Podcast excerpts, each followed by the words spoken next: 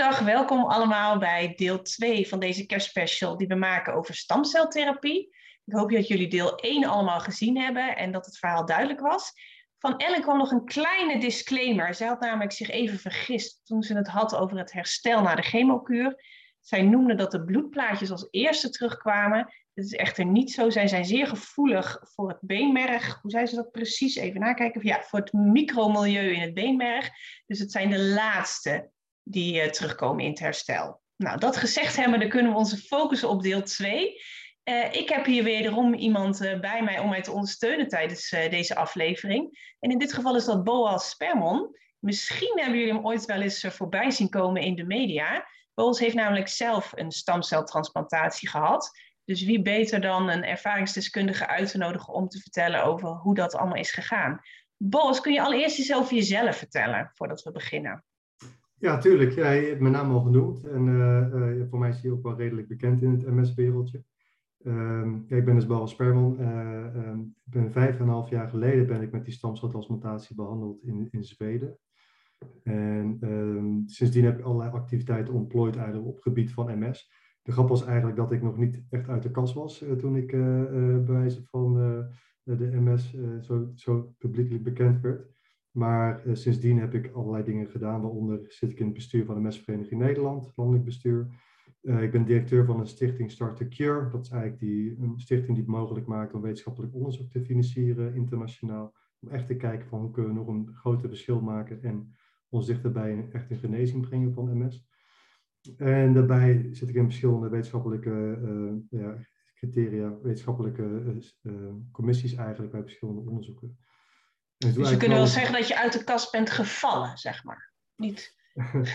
ja, ja, nee, ja. Ik, ik had hele zware relapses. Ik, ik had een diagnose, dat was, was, nu, was nu negen jaar geleden, is in, in 2012. En uh, ja, het begon eigenlijk met een oogstzenuwontsteking links en toen rechts, best wel, ja, wat, wat je wel vaker hoort.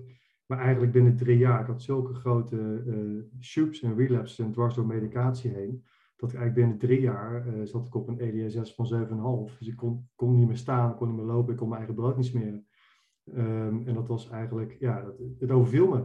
Hè? Normaal mhm. gesproken, als je ziet wat de normaal de, het verloop van een mes is, dan, ja, dan gaat het een beetje met vallen en opstaan. Maar ja, echt, echt pas significante beperking krijg je meestal pas na 10, 15 jaar of zo. En mij was het, na drie jaar kon ik het al niet meer verbergen. Ik was echt opgenomen in het ziekenhuis. Uh, ja, dus zo, zo ging het bij mij. En hoe, hoe ben je uiteindelijk dan, uh, want toen de tijd, nu, nu wordt er heel veel gesproken over stamceltransplantaties en stamceltherapie. Hoe is dat voor jou verlopen? Hoe ben jij daar je in aanraking gekomen? Hoe heb je daarvan gehoord? Hoe ging dat in jouw geval? Nou, kijk, ik, ik vertrouwde het verloop van mijn ziekte niet, want het ging, het ging zo hard. Um, eigenlijk binnen anderhalf jaar had ik al, had ik al een klapvoet en kon ik al niet ver meer lopen. En ik denk van ja, jeetje, het gaat wel heel hard. En de, de medicatie die, die sloeg niet echt goed genoeg aan.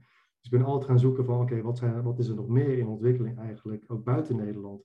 En ben ik altijd allerlei wetenschappelijke publicaties gaan lezen. En eigenlijk had ik die stamceltransplantatie, het onderzoek wat liep toen destijds in, in, in Chicago, Zweden, Uppsala en in Brazilië. Dat liep toen al. En ik was het al aan het volgen met het idee in mijn achterhoofd, mocht het ooit nodig zijn, ja, dan, dan moet ik dat doen. Hè? Want als ik heb ik geen behandelopties meer in Nederland. Niet wetende dat ik eigenlijk binnen een jaar uh, dat echt, echt nodig had. En, um, dus ik, was, ik had het al op, op, ja, op de kaart gehad op mijn netvlies. Ik was aan het kijken hoe en wat dan mocht het nodig zijn. Ik was een beetje aan het sparen. Maar met het idee van ja, misschien is het pas over een jaar of vijf of misschien wel nooit nodig. Maar ja, toen op een gegeven moment uh, had ik dus dermate zware uh, grote lesies, ook met name in mijn hersenen. Met name in mijn, in mijn, uh, cervicale, dus in mijn nek en in mijn ruggenmerg heel veel grote lesies zitten. Ja, waardoor eigenlijk functioneren heel lastig werd. Wat heb je toen gedaan? Toen dacht je van, nou oké, dan is het niet over vijf of tien jaar nodig, dan is het nu nodig. Hoe heb je dat aangepakt?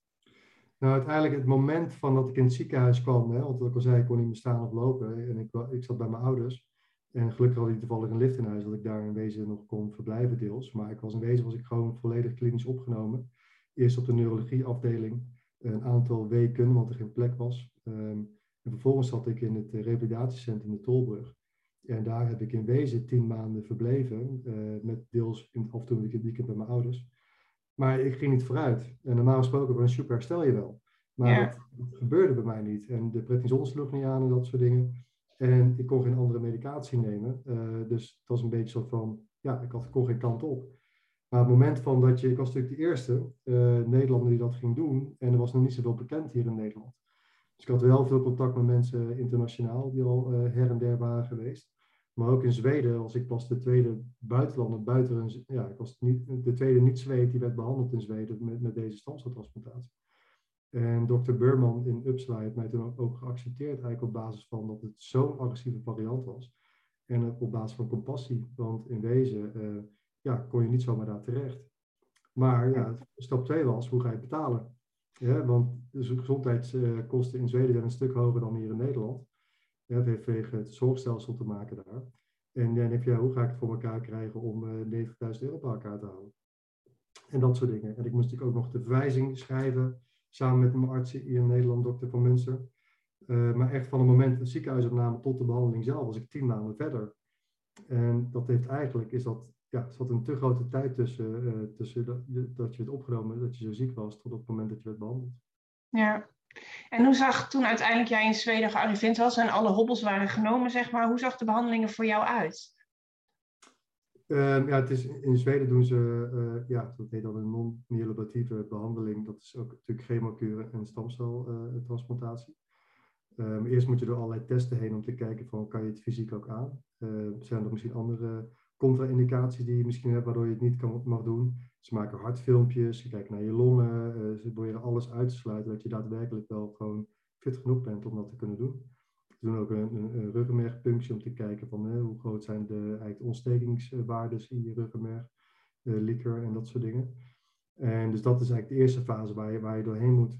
Um, en dan pas gaan ze kijken van, joh, kunnen we hiermee door? Dus zo begon het eigenlijk. En uiteindelijk ben ik daar in totaal, ben ik twee maanden in Zweden geweest. Waarbij je eerst dus die eerste onderzoeken hebt om te kijken of je fit bent. Dan krijg je een eerste chemokuur om eigenlijk uh, je immuunsysteem omlaag te brengen. Uh, zodat je um, uh, eigenlijk ook weer beter je bloedstamcellen kan filteren. Dus je krijgt namelijk ook een ander medicijn, hè, wat volgens mij Ellen ook heeft verteld, waarbij je dus extra veel bloedstamcellen maakt met je beenmerg. Ja. Als je dat doet, als je niet die chemokuur hebt gehad, dan kan je juist kan je extra relapses krijgen. Dus dat is de reden dat ze eigenlijk dat als eerste doen.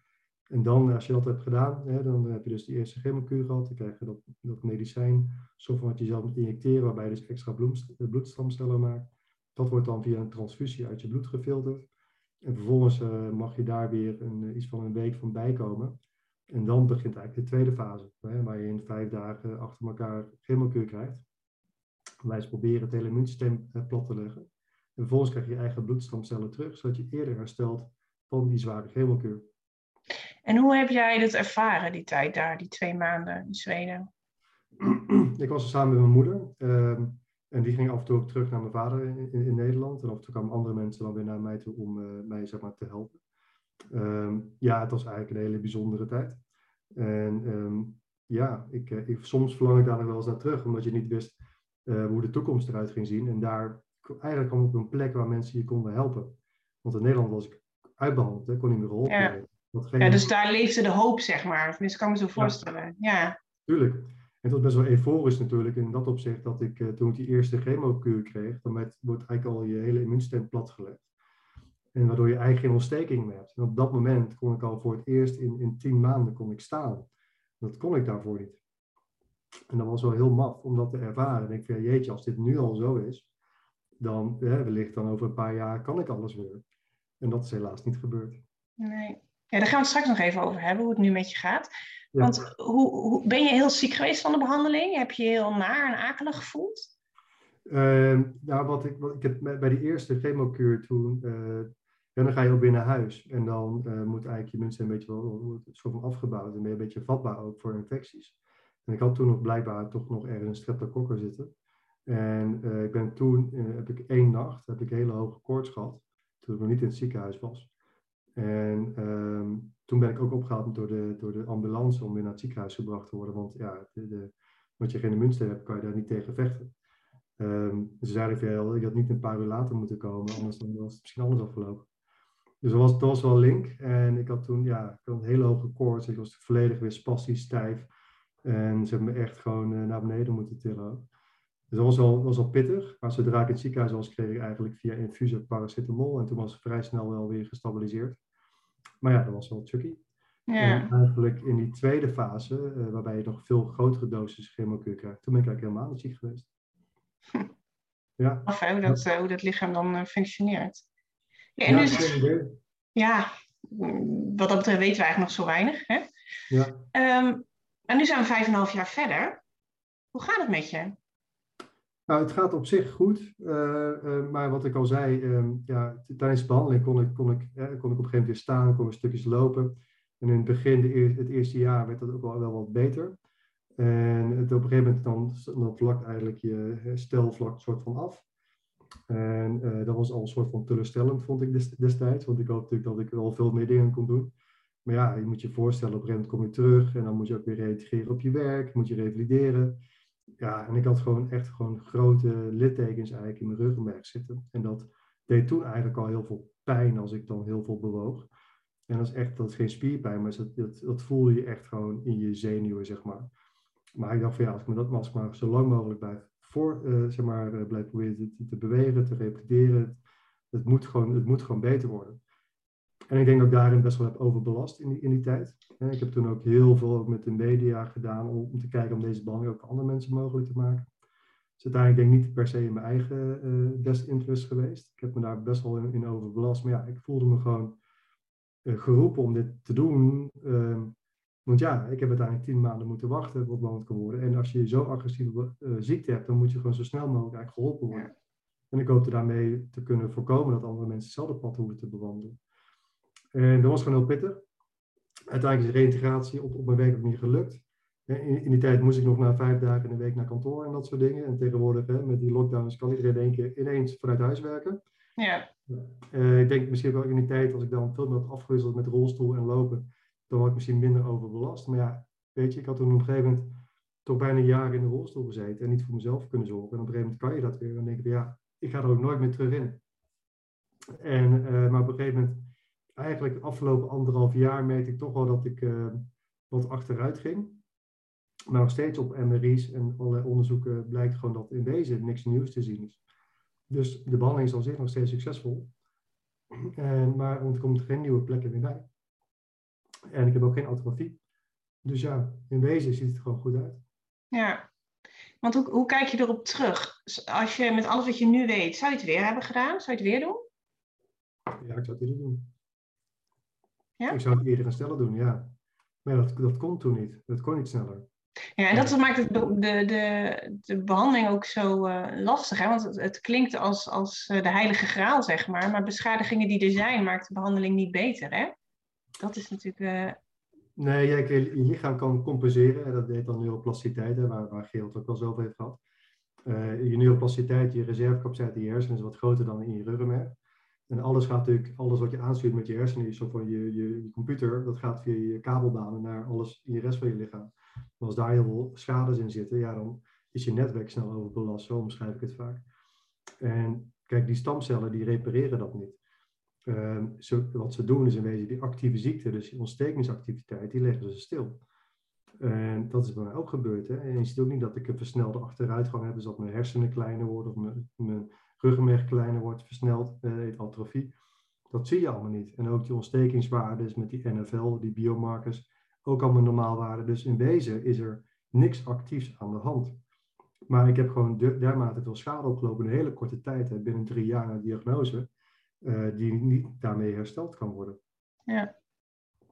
Ja. Heb jij, ja, want de, de derde aflevering uh, ga ik uh, met Gerald Hengsman weer rond de tafel zitten. Hij zal ons dan meer vertellen over hoe het op dit moment staat in Nederland. Hè? Uh, of het in Nederland mogelijk is en, en noem maar op.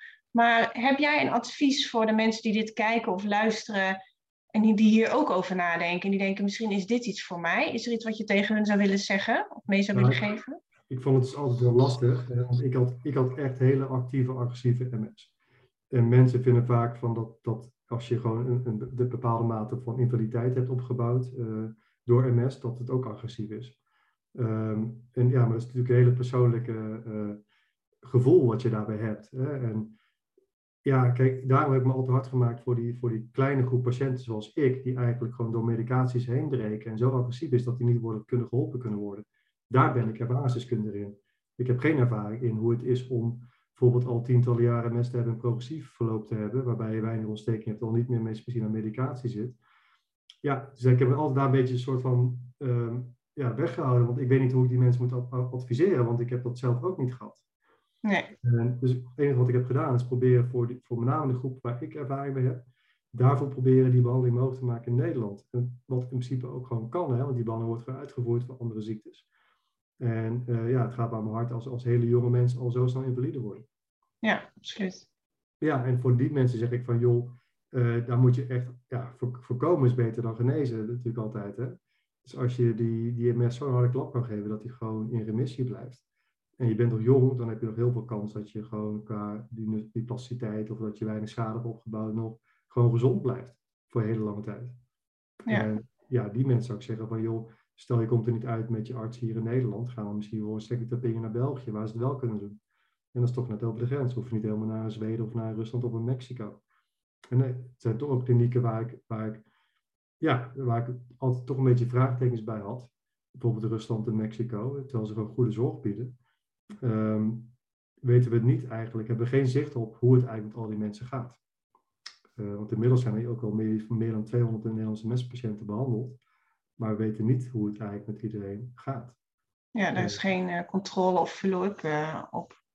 Niet altijd. En wel een aantal. En vaak zie je dat mensen met name waarbij het goed gaat, dat die soort van in het nieuws blijven, bij wijze van, hè, ook graag naar buiten treden. En het is nooit zo leuk om te laten zien dat het niet goed gaat.